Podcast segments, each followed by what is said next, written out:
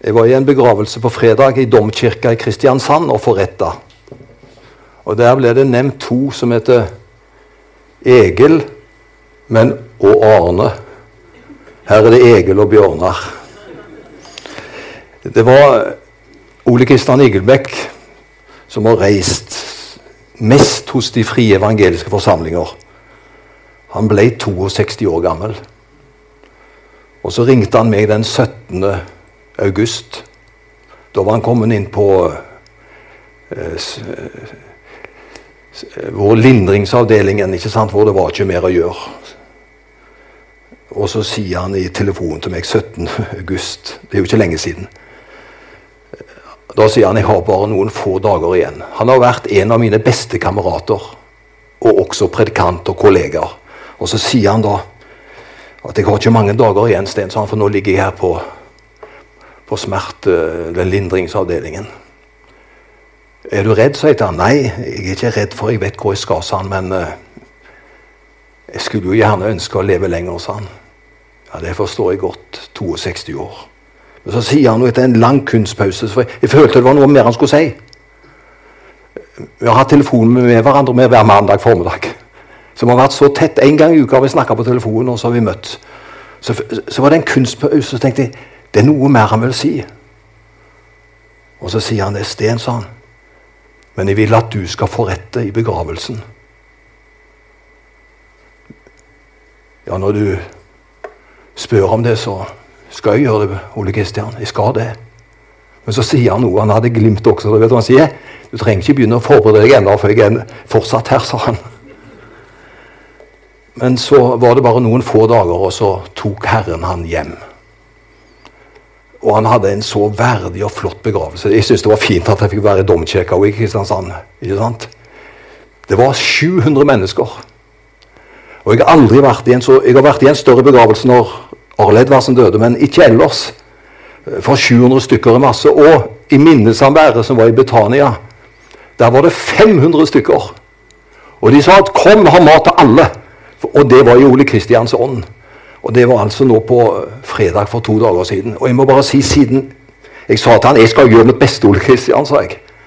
Men uh, når jeg visste jeg skulle gjøre det, særlig dagen før Jeg måtte mobilisere krefter. Og jeg tenkte at dette er den største utfordringen med energi. Så jeg, og så kan jeg bare si for det flere som har bedt for meg Det ble en sånn en herlig stund. Jeg tror jeg kan si det det var en trist, ikke sant, det, men ut ifra det så tror jeg ikke det kunne være en mer verdig og inspirerende og givende begravelse enn det som var både i domkirka og i minnesamværet. Så må jeg si da, I går så var det en sånn en utladningsdag. For når man er sånn, så blir man lada jeg er glad for at jeg ikke talte i går her, altså. For i går eh, Men da var mye lufta ute. Men vet du hva? Lufta er kommet tilbake. Så Derfor vil jeg bare si at jeg har gleda meg til i formiddag. Og jeg vil si, Ragnhild, det var så nydelig det du leste om nåden. Hvis jeg skal si ett ord som er hovedord også i mitt liv, så er det nåde. Ingen hadde klart seg uten den. Det er det som gjør at det, vi har liv. ikke sant? Det er det som gjør at vi har muligheter. For det finnes nåde, og det finnes nåde nok for alle. Og så er vi med å tjene Gud. Nå har Ragnhild, nå skal jeg gjøre rett på talen min. Ragnhild har jo lest det som er For jeg taler nå over søndagens tekst, så dette er teksten i mange kirker i dag. Uh, fra Matteus 20. Og Det som er overskriften på det jeg skal si, da, det er at Herren han søker arbeidere. Vi får sikkert opp et bilde her. Her ser du, her er de ute i sving og, og jobber. Og Herren han kan ikke få nok arbeidere. Han søker efter arbeidere hele tiden. Står det ikke det et sted at høsten er stor? Men arbeiderne er få. Så det er noe som Herren gjør hele tiden. Han søker efter mennesker som kan gjøre en innsats for ham for det store oppgaver. Og så skal jeg gå til teksten. Da kan du legge ned bildet, Kurt. For da går vi til, til teksten. Lønnen det er snakk om, det kom veldig flott fram også i hverdagsbibelen. Lønnen var, det var en dagslønn. En helt ordinær dagslønn som arbeiderne fikk Eh, den kunne du leve av. Men du var avhengig av som en far ikke sant? Du var avhengig av å gjøre en stykke arbeid, så du fikk en dagslønn. I den gamle oversettelsen står det en denar. Men det er altså det samme som en dagslønn. Den kunne du leve greit på. Eh, det var normalt på Jesu tid at man fikk det for arbeidet sitt. Og så er det veldig fint å understreke at mennene som sto på torget Det var ikke noen latsabber som drev dank. For noen ganger så kan det snike inn en sånn tanke hos oss. Ja, hva gjorde de alle timene før? Men jeg vil bare si det med et alvor. For dette her er noe som, som, som, som griper sterkt for de det gjelder. Kan du tenke deg noe verre eller ønske så inderlig å ha en jobb, og så har du ingenting å gå til? Og så vet du hjemme så har du ei kone, du har fire barn som du skal underholde. Altså, Det er settingen. Det var altså mennesker som var ved torget det var datidens arbeidsformidling. For de ønskte så sterkt å få jobb og inntekt for den dagen. At noen ventet på jobb helt til klokka var fem om ettermiddagen. For den ellevte time, det var, det var klokka fem på ettermiddagen. Tenk, de hadde stått der. De visste. Hjemme har de ei kone og barn som virkelig trenger penger. Og så var det time efter time, og så håpte de kan det bli min sjanse nå. Så gikk tiden. Og så kom det helt til klokka fem på ettermiddagen. Til den ellevte time. Det viser jo virkelig hvordan de ønsket seg å jobbe. ikke sant? De gikk ikke hjem, for de håpte kanskje kan det være noe utpå dagen allikevel. Kan det være en innledning? Så har vi en ramme på det. Mengden en ordinær dagslønn, og at dette var virkelig mennesker som ønsket å jobbe. Det var bare ikke jobb til dem. Så kom det en jobb til dem til slutt. La meg åpne teksten, for vi husker hva som ble lest. Teksten er egentlig igjen i en forstand en advarsel til disiplene. De var de første som kom inn i den kristne menighet. ikke sant? Det var starta med disiplene. Det var de første. Og så utvida sirkelen seg. Senere kom også andre inn i menigheten. Og det Jesus vil si, det er at disiplene må på ingen måte tro at de skal få en spesiell ære og plass fordi de var de første. Alle mennesker, uansett når de kommer, er like dyrebare for Gud. Hadde jeg vært pinsevenn, så hadde jeg sagt nå kan du si ammen til det. Men vi spleiser med et ammen til slutt. Alle mennesker, uansett når de kommer, er like dyrebare for Gud. Det finnes faktisk sånn noen mennesker Jeg har ikke møtt de her, men jeg kan si det var i en menighet langt unna hvor jeg opplevde noen de trodde de eide kirka. Og det kan godt være at i sin tid så gav de flygler, men jeg skal si de var redd for flygler. Og særlig så ble det noen ungdommer frelst i menigheten, og vi ble jo så glad. Og da ble de så redd. 'Pass på flygler', sa de. For det har vi gitt. Det du har gitt til Herren, det er ikke lenger ditt. La oss alltid huske på det. Da er det Herrens. Og da er det han som disponerer det. Men det har vært mennesker som nesten har forventa særbehandling, for de har lagt ned så mye arbeid i menigheten over så mange år. Men la meg bare si det, og jeg skal håpe jeg kan si det i kjærlighet. Det er egentlig en ukristen tanke. La oss ønske velkommen nye mennesker iblant oss, og la oss sannelig også gi dem plass. Og for Gud er alle mennesker like verdifulle og ønska velkommen uansett når de måtte komme. Så det var en advarsel til disiplene. Ikke tro at uh, dere har det i lomma. Jeg vet dere var de første menn. Ikke tro at dere får privilegier av den grunn. De andre som fikk det, en advarsel, det var jødene. De visste at de var et utvalgt folk. Og de Vi har lest det, for vi kjenner Skriftene. Vi vet at de så ned på andre folk. Det var ikke lett å være hedninger på den tiden. De ble sett ned på. Jeg tror det var Nå tar jeg det bare på rett fra lufta, altså, men jeg tror jeg har dekning for det. Eh, Fariseerne de hadde særlig to bønneemner. Det var det at takk Gud at jeg ikke er kvinne, og det andre var takk Gud at jeg ikke er en hedning.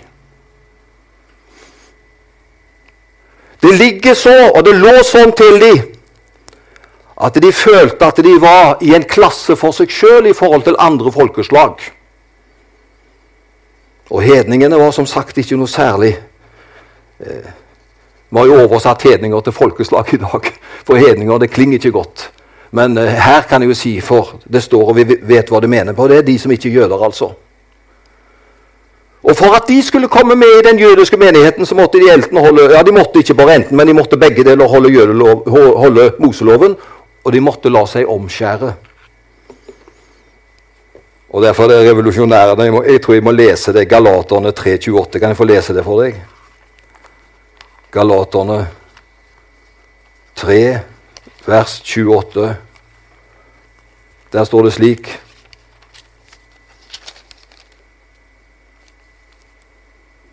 Her er verken jøde eller greker, slave eller fri, mann eller kvinne. Det var ikke lett å være kvinner heller på den tida. De, de, de, kunne ikke vitne i en rettssak, kvinnene.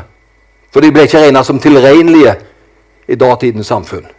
Men her sier Paulus her er verken jøde eller greker, slave eller fri, mann eller kvinne. For dere er alle én i Kristus Jesus. Ser dere? Alle forskjeller ble viska ut i Jesus Kristus. Og når vi er i Han og lar Hans liv få dominere oss.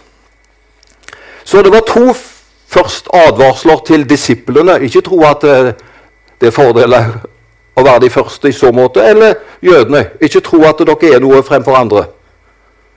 Men det tredje vil si lignelsen formidler trøst.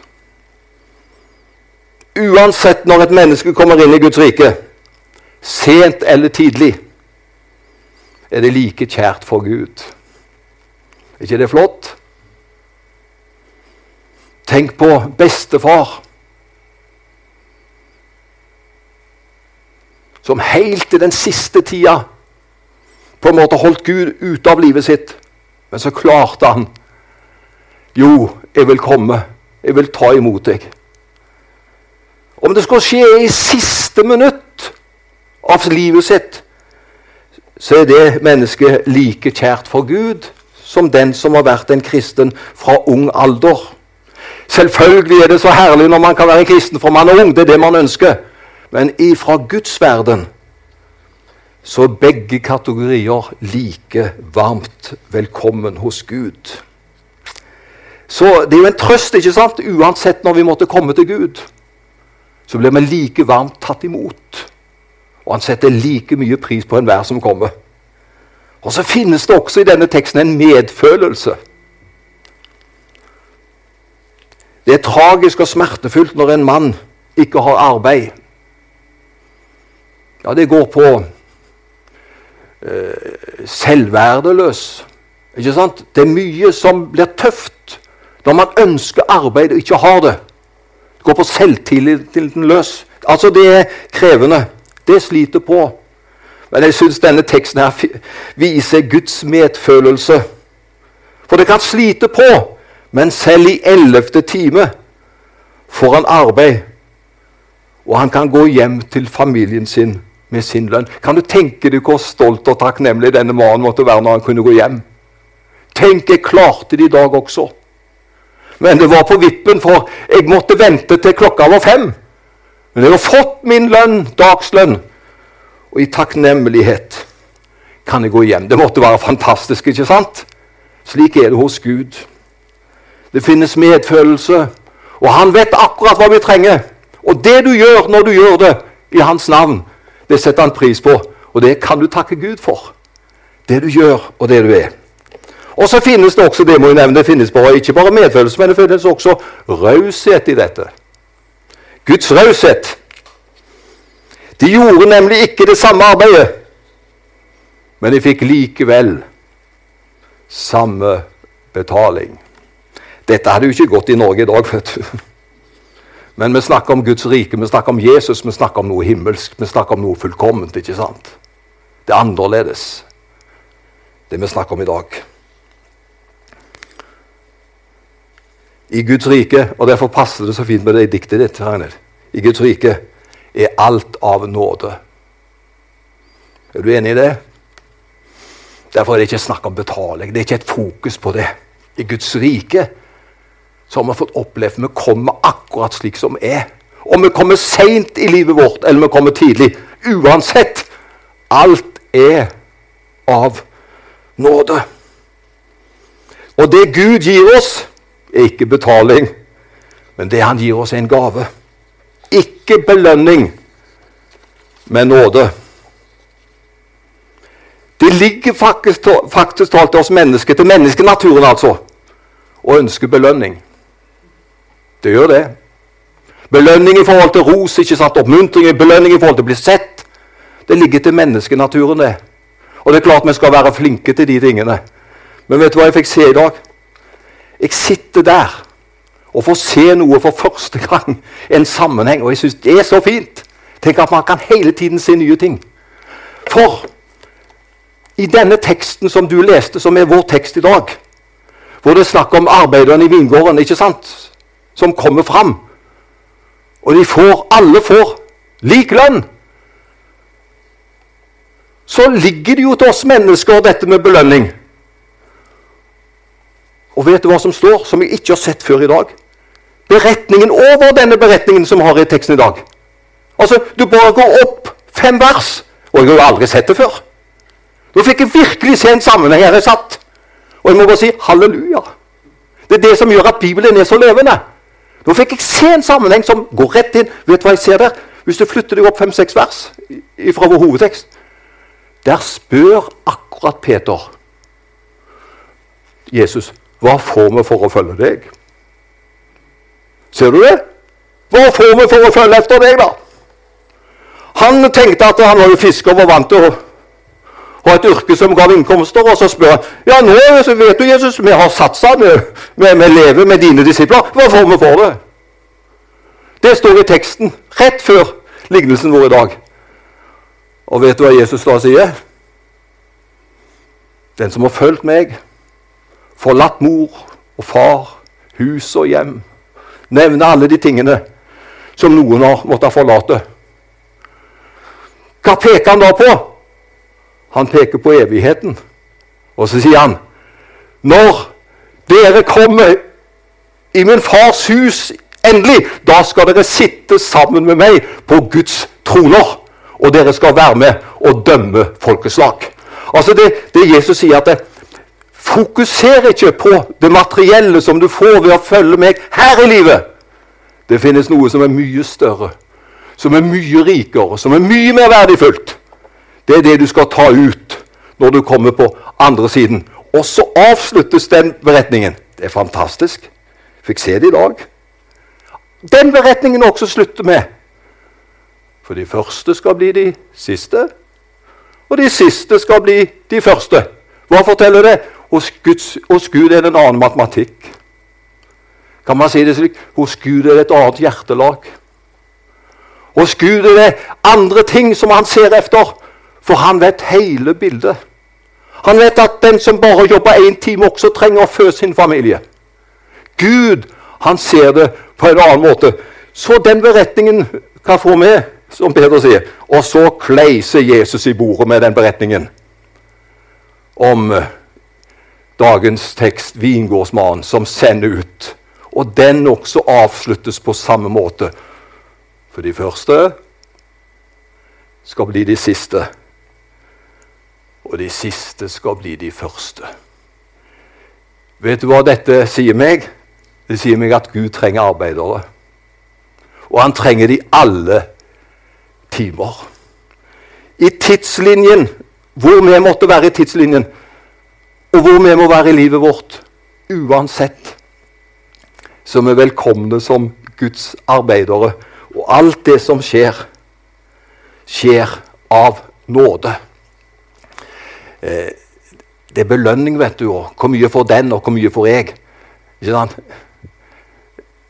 Skal vi si farvel til konkurranselivet i Guds forsamling? Skal vi si farvel til å sammenligne oss med andre i Guds forsamling? Veldig slitsomt vet du, hvis jeg skal sammenligne meg. Tenk om jeg skal sammenligne musikalsk med Bjørnar. Ja, Da kan jeg legge meg under dyna. Men jeg har ting som Bjørnar har, og jeg har ting kanskje som ikke Bjørnar har også. Og han har sannelig ting som ikke jeg har. Men vi driver jo ikke og sammenligner oss med hverandre. Vet du hva? Vi er begge to med. Og, og er på laget, vet du. Vi styrker laget, kan vi si det sånn. Laget som er Guds rike. Og Derfor må du aldri sammenligne med andre. Ja, men jeg blir ikke så sterk som hun. Det, det, det, er ikke så flott det jeg kan bidra med. Glem det. Det Herren ser til, det er hjertet. Og du skal få av Herren det som Han vil gi oss. Og så vet vi det viktigste. Det er det som har med evigheten å gjøre. Og det å tjene Gud er alltid av nåde. Og så gjør vi det med glede og takknemlighet. Ære være Faderen, Sønnen og Den hellige ånd, som var, er og blir en sann Gud fra evighet og til evighet. Amen.